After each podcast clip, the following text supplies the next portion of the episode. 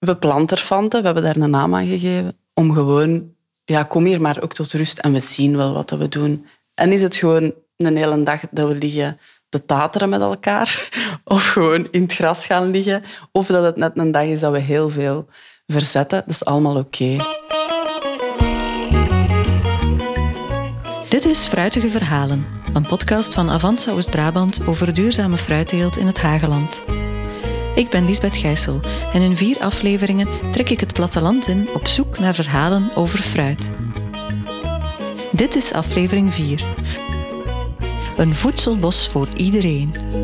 Fruitig, fruitig, fruitig, Hageland, fruitig, fruitig, fruitig, Hageland, fruitig, Hageland, hier om mij heen. Stel je voor dat jij en ik en een tiental andere mensen uit de buurt onze eigen boomgaard zouden hebben. Nee, we worden geen professionele fruittelers en we starten ook niet samen een bedrijf op. Maar we beheren samen een voedselbos. Het werk verdelen we eerlijk. De oogst ook. En iedereen die wil mag meedoen. Klinkt als een sprookje? Dat sprookje kan werkelijkheid worden, want in heel Vlaanderen en ook in het Hageland komen steeds meer van dit soort gezamenlijk beheerde voedselbossen. Landbouwgrond samen beheren was in het verleden helemaal niet uitzonderlijk. Zit daar vandaag opnieuw toekomst in? Een varkentje. Ja, dat zijn onze varkens. Dus dit is de ingang eigenlijk. Dit is, allee, daar hebben we nog wel onze compost. Ik ben in Oudgaarden, een deelgemeente van Hoegaarden. De varkentjes Gerard en Fernand verwelkomen mij in een stukje natuur naast het voetbalveld van het dorp. En dat zijn grazers eigenlijk ook. Dus gelijk een schaap. Maar dan knuffelbaarder dan een schaap. Gerard en Fernand zijn bewoners van de Moutgaard, een voedselbos dat enkele bewoners van Oudgaarden enkele jaren geleden samen hier hebben opgestart. Behalve varkens scharrelden er ook kippen rond tussen de fruitbomen, notelaars, bessenstruiken en kruiden. Het is een stuk grond van de gemeente en dat voelt ook wel goed. Het is eigenlijk van de gemeenschap. Dus wat het erop groeit, is ook voor de gemeenschap.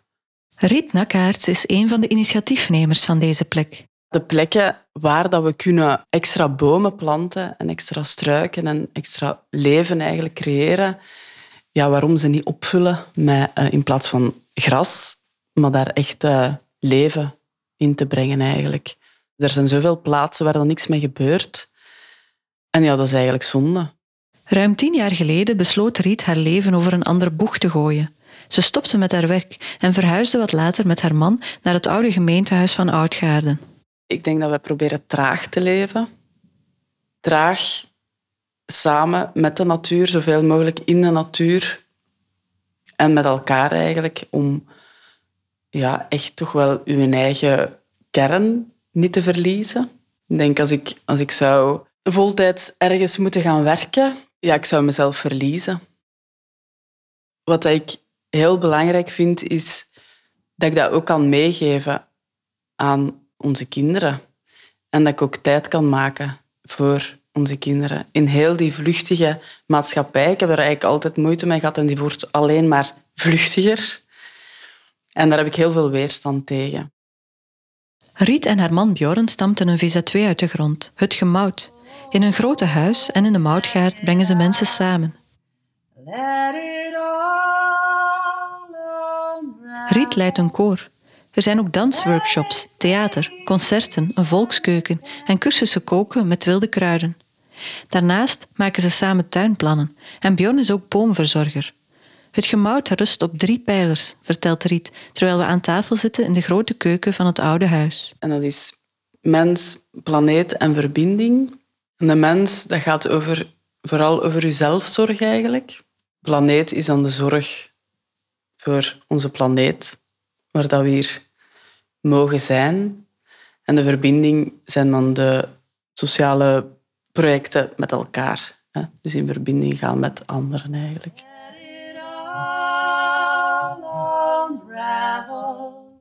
Let it free and it can be a path on which to travel. Mensen samenbrengen, mensen dichter bij de natuur en bij zichzelf brengen, maar ook stilte en rust herwaarderen. Het zijn mooie idealen waar Riet zich al jaren mee bezighoudt, onder meer in Voedselbos de Moutgaard. Om dat gedeelte echt te hoogstammen ook um, dat die volledig kunnen... Ja, plaats te geven. Ja, ja. De moutgaard is nog volop in ontwikkeling. Een echt bos kun je het nog niet noemen. Maar dat is ook niet de bedoeling. In een voedselbos staan fruit- en notenbomen samen met bessenstruiken, klimplanten en kruiden. Zo moet een systeem ontstaan met verschillende lagen van eetbaar groen dat zichzelf grotendeels in stand houdt. Een ecosysteem dat vooral op zichzelf overleeft en waar je weinig werk aan hebt. Dat hebben we al vaker gehoord in deze podcast. Riet volgt dan ook de principes van permacultuur en heeft een opleiding gevolgd bij Frank en Luc Rijs van Yggdrasil. Die vertelden over hun project in aflevering 2 van deze podcast. Als je het hebt over een tuin of, of, of een voedselbos, we gaan dan eigenlijk echt kijken in de natuur. Hoe werkt de natuur op zich? En dat gaan we nabootsen. En we gaan ervan uit dat eigenlijk alles mooi samenwerkt in de natuur. Dat er niet één monocultuur is, maar dat er eigenlijk verschillende planten elkaar verrijken. Riet trekt die visie ook door naar mensen. Dus dat we verschillende kennissen samen bundelen en dat we zo uh, ja, ons krachten bundelen eigenlijk en zo tot een mooi project kunnen komen. Dat is het idee. Want Riet en haar man Bjorn doen dit niet alleen. Ze starten het project samen op met andere buurtbewoners. Ook vandaag blijft iedereen welkom om mee te doen. Donderdag is de vaste dag waarop er samen getuineerd kan worden. Maar ook op andere dagen is de moutgaard open voor iedereen. We planterfanten, we hebben daar een naam aan gegeven, om gewoon, ja, kom hier maar ook tot rust en we zien wel wat we doen. En is het gewoon een hele dag dat we liggen te tateren met elkaar, of gewoon in het gras gaan liggen, of dat het net een dag is dat we heel veel verzetten, dat is allemaal oké. Het voedselbos is dus van niemand en tegelijk van iedereen. De gemeente blijft eigenaar, maar de grond mag gratis gebruikt worden. Een bijzondere constructie, maar ook op andere plekken in Vlaanderen gebeurt dat. En trouwens niet alleen met voedselbossen. Ik ben zelf actief in de Samentuin in mijn wijk. Die kreeg voor enkele jaren een plekje op een grote braakliggende site die de komende jaren volgebouwd zal worden. In afwachting van die bebouwing mogen initiatieven van buren er floreren. Zo'n samentuin of voedselbos wordt beheerd door een losse groep burgers. Het klinkt progressief en vernieuwend, maar eigenlijk is het dat niet. Maika, jij Lisbeth? Ja. Ik zie hem plus. En daar weet Maika de Keizer alles van. Ik ontmoet haar aan de Universiteit van Leuven. Ik heb sleutels gekregen van de ah, ja. studio. Allereerste keer dat ik die Waar we gebruik mogen maken van een lokaal in de kelder. Dat is omgebouwd tot een heuse podcaststudio. De gemeenschappelijke behering van zaken zoals voedselbos dat is absoluut niet nieuw. Maika is historica en onderzoekt dit soort van beheer in het verleden. Je ziet dat dat in de middeleeuwen en in de vroegmoderne periode eigenlijk bijna de norm was. Heel vaak zie je dat er gemeenschappelijke rechten gelinkt werden met bossen. Zodat je zegt van kijk, het hout van die stammen dat is voor één iemand, maar de gemeenschap kon daar dan bessen gaan plukken, kon daar hun vee laten grazen, kon daar op allerlei mogelijke manieren gebruik van maken. Dus dat was eigenlijk de norm eerder dan de uitzondering. Een common heet dat dan. Dat wil zeggen dat je een collectief hebt van mensen die beslist hebben om dus een aantal goederen niet privé te gaan gebruiken, maar op een collectieve wijze. Dus dat wil zeggen dat je dan zegt, bijvoorbeeld een dorp, in mijn, in mijn doctoraatsonderzoek ging het dan over de Kempen. Dus pak Arendonk, die beslist dat zij dan de heidegronden van het dorp Arendonk niet op een privé manier gaan gebruiken. En iedereen geeft dan een klein stukje van die heide. Ze gaan die met z'n allen gebruiken. En dan gaan ze daar dus regels voor moeten opstellen. Die regels bepalen welke goederen of hulpbronnen er gebruikt kunnen worden, wie die mag gebruiken, op welke manier en wanneer. In de middeleeuwen waren commons of gemene gronden heel gewoon in Vlaanderen. Vroeger kon je bezit en gebruik splitsen. Dan kon je dus zeggen van kijk, de heer van het dorp was de eigenaar, maar die kon het niet gebruiken. En de gebruikers hadden niet het bezit, maar konden het dus wel gebruiken. Dus dan waren het meestal de inwoners die een privilege hadden gekregen en die konden dan op die manier ja, die heidegebieden of die bossen of wat dan ook gaan gebruiken. Maar zij hadden niet het bezitscharter daarvan.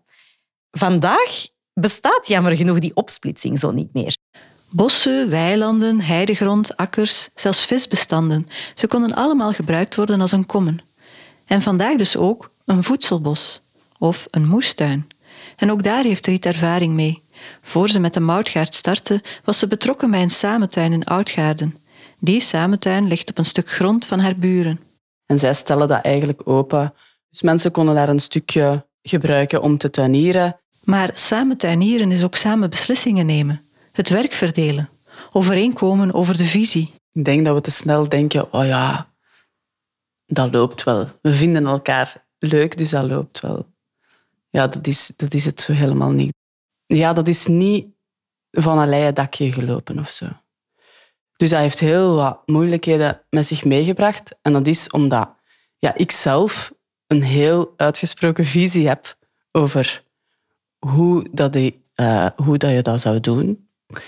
Of hoe dat je met de natuur samenwerkt, dat vooral eigenlijk. Voor andere mensen was dat niet zozeer het, uh, het opzet. Vooral het samenbrengen van mensen. Kinderen die dat daar gewoon kunnen gaan spelen, ouders die dat daar samen kunnen zijn en iets drinken en zo. Dat. Riet zag vooral de tuin in de samentuin en wilde van alles realiseren in het idee van permacultuur. Anderen focusten vooral op het woord samen. Riet gooide zich voor 100% in het project. Ik ben dan ook iemand die dat... Ik geef mij volledig. En uh, ja, ik heb me daar eigenlijk een beetje verzopen. Het werk in de samentuin begon heel veel energie te vragen. Het gaf stress en druk. Ze besefte dat dat helemaal niet was waarom ze in dit project was gestapt. Ze besliste ermee te stoppen. Maar echt opgeven deed ze niet. En ze vond een goede compagnon in een andere vrouw uit het dorp. En dan zijn we wel op zoek gegaan naar, naar een ander stukje. Van, is er niet ergens een plaats waar dat we, dat we toch kunnen doen wat dat we willen doen? Want ik bleef wel geloven in het ding van een plaats, een stukje groen te kunnen creëren eigenlijk, waar de gemeenschap eigenlijk gewoon kan van, uh, de vruchten van kan gaan plukken eigenlijk. En vooral ook wel, ja, toch ook wel een beetje een fierheid om te laten zien, we hebben niet veel nodig om toch heel veel te kunnen produceren. Zo ontstond de moutgaard. De twee vrouwen zaten helemaal op dezelfde lijn en dat maakte het fijn samenwerken. Riet probeert zich veel minder te laten opjagen. Met een moutgaard is het nu eigenlijk vooral het ding... Laat daar maar mensen komen die dat ook die rust willen ervaren.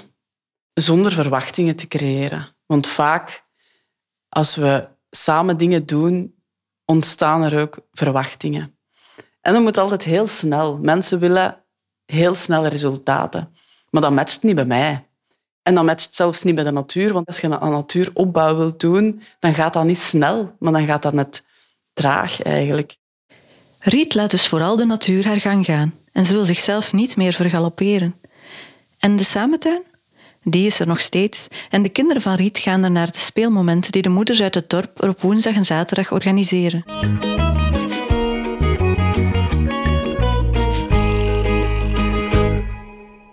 Samen dingen doen is fijn, maar het kan soms ook moeilijk zijn. Veel commons zijn heel democratisch georganiseerd.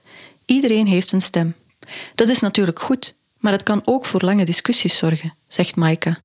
Maar je kan die natuurlijk proberen te beheersen. Je kan proberen dat tot een minimum te herleiden. En dat is, denk ik, wel um, in het verleden al aangetoond dat dat kan. Het, geheim, het geheime uh, ingrediënt, dat weet ik niet.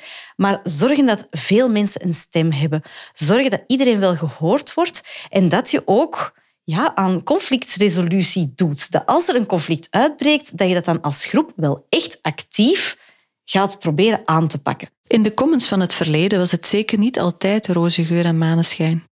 Een van die conflicten gaat vaak om wat een jargonterm het freerider-probleem noemt. En een freerider, dat is iemand die alle voordelen wil, maar geen van de nadelen van het systeem. Een heel typisch voorbeeld daarbij werd uitgedrukt ook weer met een weiland en de hoeveelheid koeien dat je daar kan opzetten. Elk weiland heeft een draagcapaciteit. Dus bijvoorbeeld een bepaald weiland, hoe groot het ook mogen zijn, laten we stellen, kunnen tien koeien op. En er zijn tien mensen die het gemeenschappelijk gebruiken. Dus dat wil zeggen, idealiter heeft iedereen één koe op dat weiland. Je maakt daar afspraken over. Maar één van die mensen denkt, als ik er nu toch eens twee op plaats, dan heb ik alle voordelen van twee koeien. Meer melk of meer vlees, meer producten.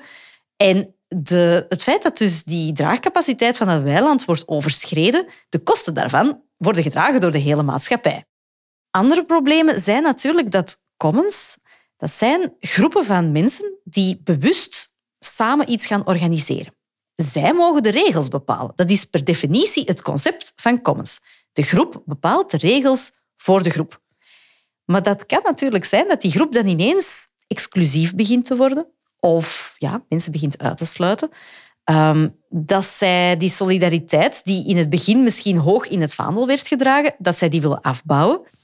Maika vertelt dat commons vaak heel open opstarten, maar dat na verloop van tijd een vaste groep gevormd wordt die nieuwkomers kan beginnen uitsluiten. De regels zijn al bepaald, de visie ligt vast en dan kan het lastig zijn als iemand nieuw in de groep plots dingen in vraag stelt. De nieuwe commons van vandaag, zoals samentuinen of voedselbossen, doen vaak hun best om zich open te stellen voor iedereen. Maar in de praktijk zijn ze vaak niet zo divers. Zoals ik het momenteel zie, is zo'n voedselbos om ja, een andere manier aan landbouw binnen te brengen. Op een eerlijkere en een solidairdere manier, met een soort van fair trade. Ehm, maar ook op een ecologische manier te gaan uh, boeren. En dat is allemaal zeer lovenswaardig en dat is zeer nuttig. Maar voor heel veel mensen is dat denk ik ver van hun bed. Het gaat meestal om hoogopgeleide natuurliefhebbers. Hoe zit dat eigenlijk in de moutgaard? Om heel eerlijk te zijn, wij trekken niet zoveel mensen aan eigenlijk. en ik vind dat ook niet erg. Toch vinden er wel degelijk mensen de weg naar de moutgaard en naar de workshops die Riet en haar man geven. Ik weet dat we mensen inspireren. Dat durf ik zeggen. Het is niet gemakkelijk om dat te zeggen. Maar dat heeft dan eigenlijk te maken met de manier van, van leven. En ik denk de mensen die we aantrekken, zijn ergens geprikkeld, die dan misschien ook meer op die manier willen leven. In de moutgaard komen en gaan mensen. En dat vindt Riet allemaal best. Ze heeft geleerd uit haar ervaringen en vindt het belangrijk dat ze kan genieten van de natuur en haar eigen ding kan doen. Weliswaar graag samen met andere mensen. Via de nieuwsbrief van de VZ2 stuurt ze uitnodigingen om te komen tuinieren of te oogsten. Maika ziet nog andere manieren om de hedendaagse commons open te stellen voor iedereen. Betrek jeugd daarbij, betrek ouderen daarbij, betrek mensen die werkloos zijn, mensen met uh, ja, stress of burn-outs, die, die in de natuur een bepaalde functie kunnen vinden. Um, breng misschien mensen die normaal gezien naar de, naar de voedselbank moeten gaan of naar een sociaal restaurant. Zorg eens dat zo'n sociaal restaurant in zo'n voedselbos een, een etentje kan plannen of daar eens een kookworkshop met de producten. Ik weet het niet. Je kan daar denk ik heel veel initiatieven bij betrekken, zodat meer mensen en meer groepen die van nature echt waarschijnlijk denken wat heb ik nu in godsnaam met een voedselbos, dat zij daar dan toch bij betrokken zijn. Probeer functies te voorzien die in C niets te maken hebben met zo'n voedselbos, zegt Maaike. Want zo zal je veel diversere groepen mensen betrekken en zij zullen op die manier kennis maken met duurzame voedselproductie. Ook Riet voorziet in de moutgaard functies die je er niet zou verwachten. Kookworkshops, zang en dans. De activiteiten die Riet en haar man met hun VZ2 organiseren, gebeuren grotendeels in het voedselbos. Ja, hier wordt gezongen. De vrouwencirkels die dat ik organiseer ook, die uh, gaan allee, samen met iemand anders er is een keuken, er is een vuurput om samen te komen. Er wordt gezongen, gedanst, gemediteerd. Riet ziet ook dat er soms mensen komen op een kruispunt in hun leven, die thuis zitten met een burn-out. Er staat zelfs een caravan en er ligt nog een tent. Tekenen dat mensen hier soms een tijdje verblijven. Ik denk dat dat wel door de jaren heen duidelijk is geworden van ja, mensen die dat ook willen aarden, tot rust komen en eigenlijk misschien de verbinding met hunzelf kwijt zijn of zo. En op die manier terug die verbinding kunnen vinden of zo. Ja, ik denk dat daar de Moutgaard een mooie plek voor is. Maika ziet Commons als een middenweg tussen de markt en de overheid. We hebben twee nieuwe modellen gehad sinds die 18e eeuw. Je hebt enerzijds de staat die opgekomen is en alles als publiek goed is beginnen beheren. En daarnaast een enorme privatisering. Dus de markt die alles ging gaan beheersen. Um, en je ziet dat mensen nu teleurgesteld zijn in de beide. En dat dus uh, ja, commons als de, ik noem dat vaak de nieuwe derde weg, uh, worden gezien tussen staat en markt in. Een alternatief om een aantal problemen op te lossen. En ik zou dat toch wel ondertussen wel een trend durven noemen. Echte commons in de historische zin van het woord zijn het vaak niet, want er bestaat eigenlijk geen juridische vorm voor dit soort van collectief beheer en gebruik. Bij de Moutgaard is de grond van de gemeente en bestaat er een overeenkomst om die te gebruiken. De samentuin in Oudgaarde, waarin Riet tot enkele jaren geleden meewerkte, was privébezit van een van de bewoners. Om hun werking en het plantgoed te betalen, werken de hedendaagse commons met subsidies, met lidgeld of ze verkopen een deel van de opbrengst. Bij de Moutgaard komt het geld voor het beheer uit de opbrengst van de workshops die Riet en haar man met hun VZ2 organiseren. Daarnaast ontstaan er meer en meer coöperatieven en CSA's, waarbij er met een soort van aandeelhouderschap wordt gewerkt. Tot slot zijn er ook informele overeenkomsten, waarbij bijvoorbeeld een tuin door meerdere buren wordt gedeeld. Het zijn misschien geen echte commons, maar laten we het nieuwe vormen van samenwerking en solidariteit noemen. Zo'n samenwerking moet groeien, net zoals een samentuin of voedselbos niet vanaf dag 1 al oogst geeft. We hebben eigenlijk eerst heel enthousiast groentebedjes beginnen aanleggen.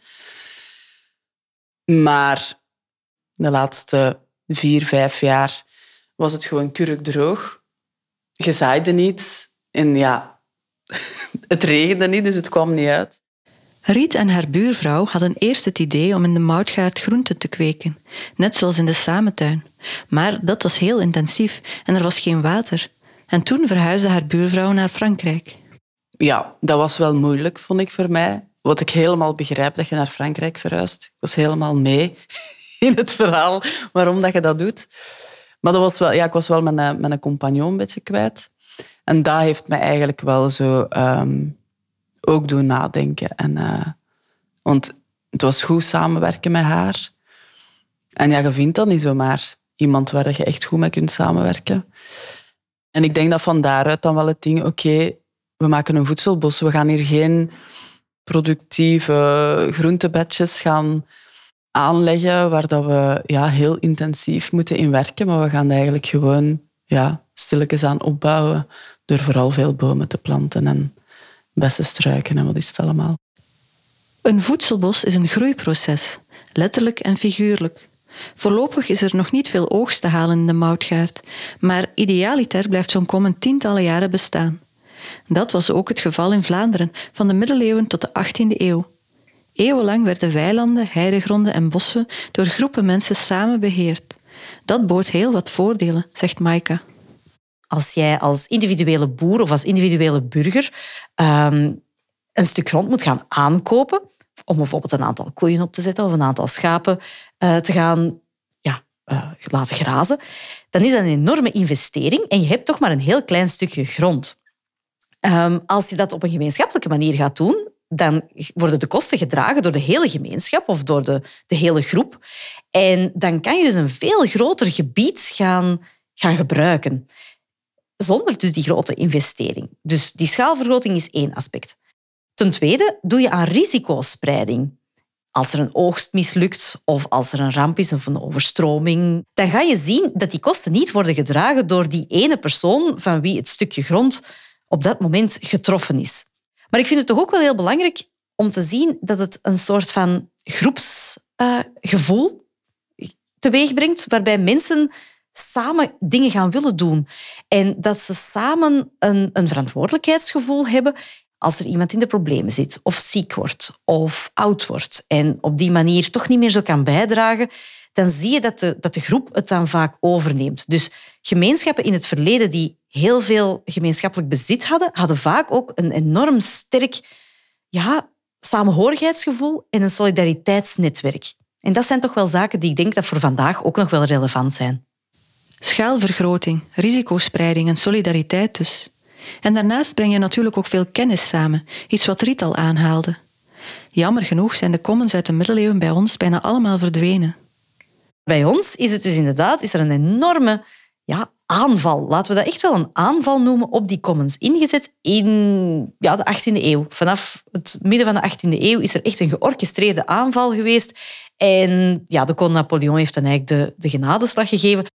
De meeste commons werden overgenomen door de gemeentes en zijn vandaag natuurgebied of een andere vorm van publiek bezit. Maar vandaag zijn de commons dus aan een revival bezig. Ook Riet en haar man krijgen er niet genoeg van. Bjorn is bezig met de opstart van een nieuw voedselbos wat verderop, in Hoegaarden.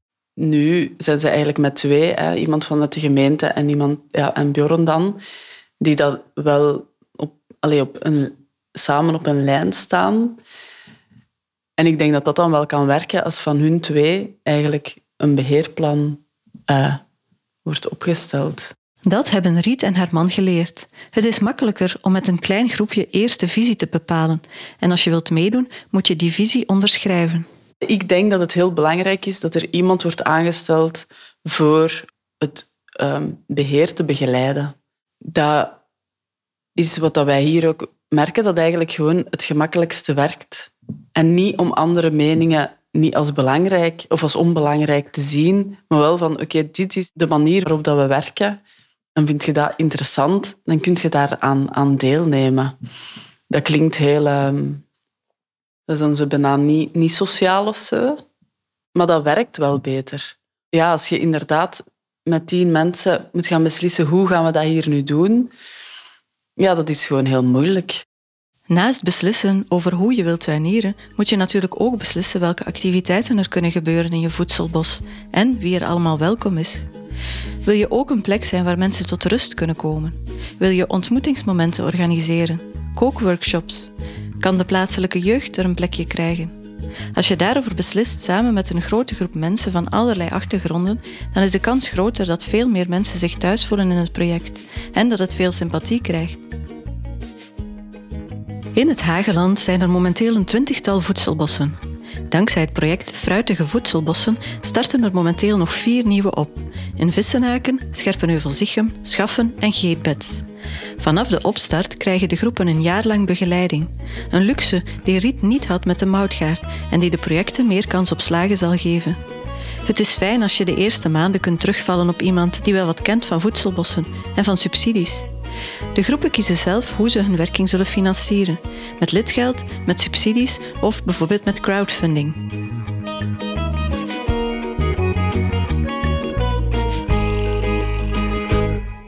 Kun je deze voedselbossen of andere commons een nieuwe vorm van landbouw noemen? Kan het toekomst bieden, ook als je van de landbouw moet leven? Maika ziet opportuniteiten. Ik denk dat het een aantal voordelen biedt voor boeren die nu echt alle kosten zelf moeten dragen. Die nu, als, als er een crisis is, bijvoorbeeld eh, de varkensteelt, eh, China importeert geen varkens meer of er is droogte. Als je ziet dat je dan als collectief veel meer functies hebt op dat één stuk grond, dan, dan draag je die kosten, dan draag je die risico's als collectief. Dat is in het, in het verleden echt de dragende functie geweest van het principe. Dat kan het vandaag ook terug zijn. En ik denk als je ziet hoe ongelooflijk crisisgevoelig we vandaag zijn, dat veel mensen daar wel oren naar zullen hebben. Als je grond met meerdere mensen deelt, zijn er heel wat verschillende belangen en dat zorgt voor een diverser gebruik een voedselbos. Sommigen zullen gedacht hebben, oké, we gaan daar fruit op zetten en we gaan daar een aantal planten op zetten. Maar dan kunnen de gebruikers misschien ook zeggen, laten we hier wat hagen rondzetten. Um, en dat is goed voor de biodiversiteit. Uh, maar daar kunnen we misschien nog andere vruchten op, uh, groeien, van wat andere mensen interessant vinden. Iemand anders zegt dan, laten we daar knotwilgrond zetten en we kunnen die wilgetenen gaan gebruiken um, om bijvoorbeeld uh, andere hekken te gaan maken, maar ook om daar meubels mee te maken. Een volgend iemand zegt, zeg, maar eigenlijk in zo'n bos kan toch gerust ook af en toe wel eens een koe rondlopen. Of iemand zegt, ja, ik wil eigenlijk een paard voor mijn, voor mijn dochter, maar ik ga echt niet zelf zo'n weiland, uh, zo'n weiland gaan kopen om dat op te zetten. Dus je ziet, als je dat op een gemeenschappelijke manier gaat organiseren, dat waarschijnlijk de groep constant met nieuwe ideeën zal komen, omdat iedereen lichtjes andere belangen heeft. En dan kan je een heel aantal functies bij elkaar gaan brengen. De voorstanders van Commons spreken ook van een moral economy waarbij winst maken geen doel meer is. Een moral economy staat haaks op wat we een kapitalistische of een neoliberale economie zouden noemen, waarbij de doelstelling niet is om te gaan accumuleren, om steeds meer winst te maken, om steeds meer te produceren. Een moral economy, dat woord gebruiken we voor een maatschappij die voornamelijk naar sociale functies gaat kijken. Bijvoorbeeld subsistentie. Mensen die voor hun eigen overleven en hun eigen productie Ehm, gaan instaan. Ehm, een maatschappij die inzet op herverdeling, die inzet op het ondersteunen van mensen die het zwaar hebben en dus bijvoorbeeld een aantal van die gemeenschappelijke uh, resources gaan gebruiken om ja, dan te gaan herverdelen. Verdeling, solidariteit en minder risico voor de boeren. En een diverser gebruik van de open ruimte. Dat kan heel wat mensen, maar ook de natuur ten goede komen. Een voedselbos heeft meer functies dan alleen voedsel produceren. Het kan zorgen voor meer bos in Vlaanderen, voor een ander en diverser gebruik van de open ruimte. En voor ontmoeting, voor solidariteit, voor een band met de natuur en een moment van rust. Maika vindt het cruciaal om zoveel mogelijk verschillende mensen te betrekken. Dat was wat vroeger commons waren. Dat was een sociaal project, dat was een economisch project, dat was een cultureel project. En het had ook ecologische voordelen. Een economisch, sociaal, cultureel en ecologisch project. Met fruit, hout en andere opbrengst. Met solidariteit en ontmoeting. Met cultuur en een natuurvriendelijke aanpak. In de moutgaard komt het alvast allemaal samen. Al laat Riet het het liefst heel organisch gebeuren en is het zeker geen stormloop. Zo ziet ze ook de toekomst van die plek. Vooral een plaats waar dat mensen kunnen komen en gaan wanneer dat ze willen. Dat ze zich daar kunnen goed voelen, zodat ze daar tot rust kunnen komen. En uh, ja, dat er vooral, vooral veel oogst is en dat het eigenlijk... Allez, uiteindelijk wordt dat eigenlijk een geborgen plekje waar dat je op bepaalde vaste momenten kan er gevierd worden, maar andere momenten kun je daar ook verdwijnen. Een beetje van de wereld af. Zo. De drukke wereld met stress, werk en lawaai lijkt inderdaad ver weg hier tussen de groeiende bomen en struiken, met kippen die rondscharrelen en de varkens Gerard en Fernand die in de modder ploeteren. Ja, wat ik vooral leuk vind aan uh, een tuin, ja, dat is bij ons rondom ook dat je kunt um, ontdekkingen doen of zo. Mm -hmm. We wandelen van de moutgaard terug naar het huis van Riet. Haar man Bjorn is in de tuin aan het werk en heeft thee klaarstaan. Maar voor mij is het tijd om op te stappen. Terug naar de drukke wereld. Alleen merci. Oké, okay, heel erg bedankt. Ja, goed thuis. Ja.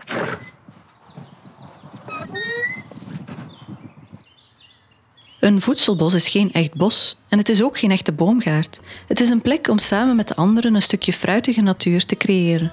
Een plek waar iedereen welkom is en zich thuis kan voelen. Heb je zin gekregen om in te stappen in zo'n voedselbos in het Hageland? Je vindt alle locaties en meer informatie op de website avanza-oostbrabant.be.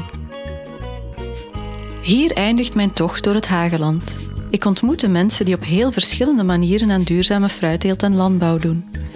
Door oude rassen en hoogstammen opnieuw te introduceren, door met de natuur samen te werken en daar letterlijk de vruchten van te plukken. En door samen met de buren grasvelden om te toveren tot voedselbossen. Dit was de laatste aflevering van Fruitige Verhalen, een podcast van Avanza Oost-Brabant over duurzame fruitteelt in het Hageland. Gemaakt door mezelf, Lisbeth Gijssel, in samenwerking met Sophie de Schamfeleire.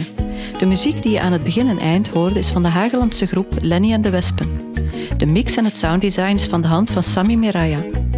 Vond je deze aflevering interessant? Schrijf dan een review, dan kunnen anderen hem sneller terugvinden. Fruitig, fruitig, fruitig, Hageland, fruitig, fruitig, fruitig, Hageland, fruitig, Hageland, neem mij maar mee. Zie de heuvels, zijn de golven van de groene zee. En ik dein hier zalig met hen mee. Heuvels zijn de golven van een groene zee. En ik dans hier zo graag op hen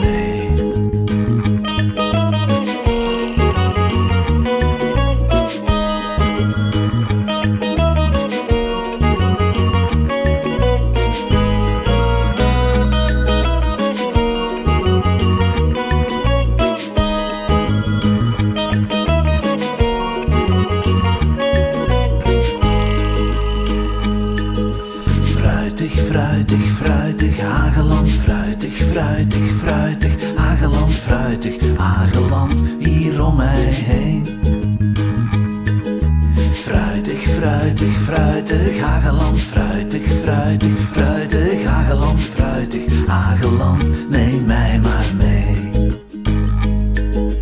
Appels, bessen, peren, druiven, proef de Hagelandse wijn. Perzik, rieken, kersen, pruimen, laat de wereld fruitig zijn.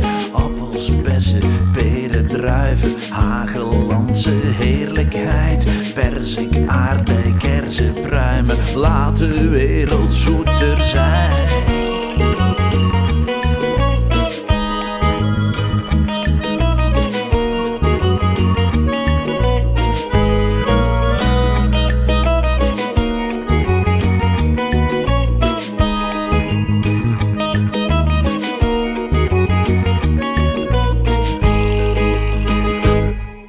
Deze podcast kwam tot stand met de steun van het Europees Landbouwfonds voor Plattelandsontwikkeling. Europa investeert in zijn platteland met middelen van Europa, Vlaanderen en de provincie Vlaams-Brabant ter bevordering van een leefbaar en klimaatrobuust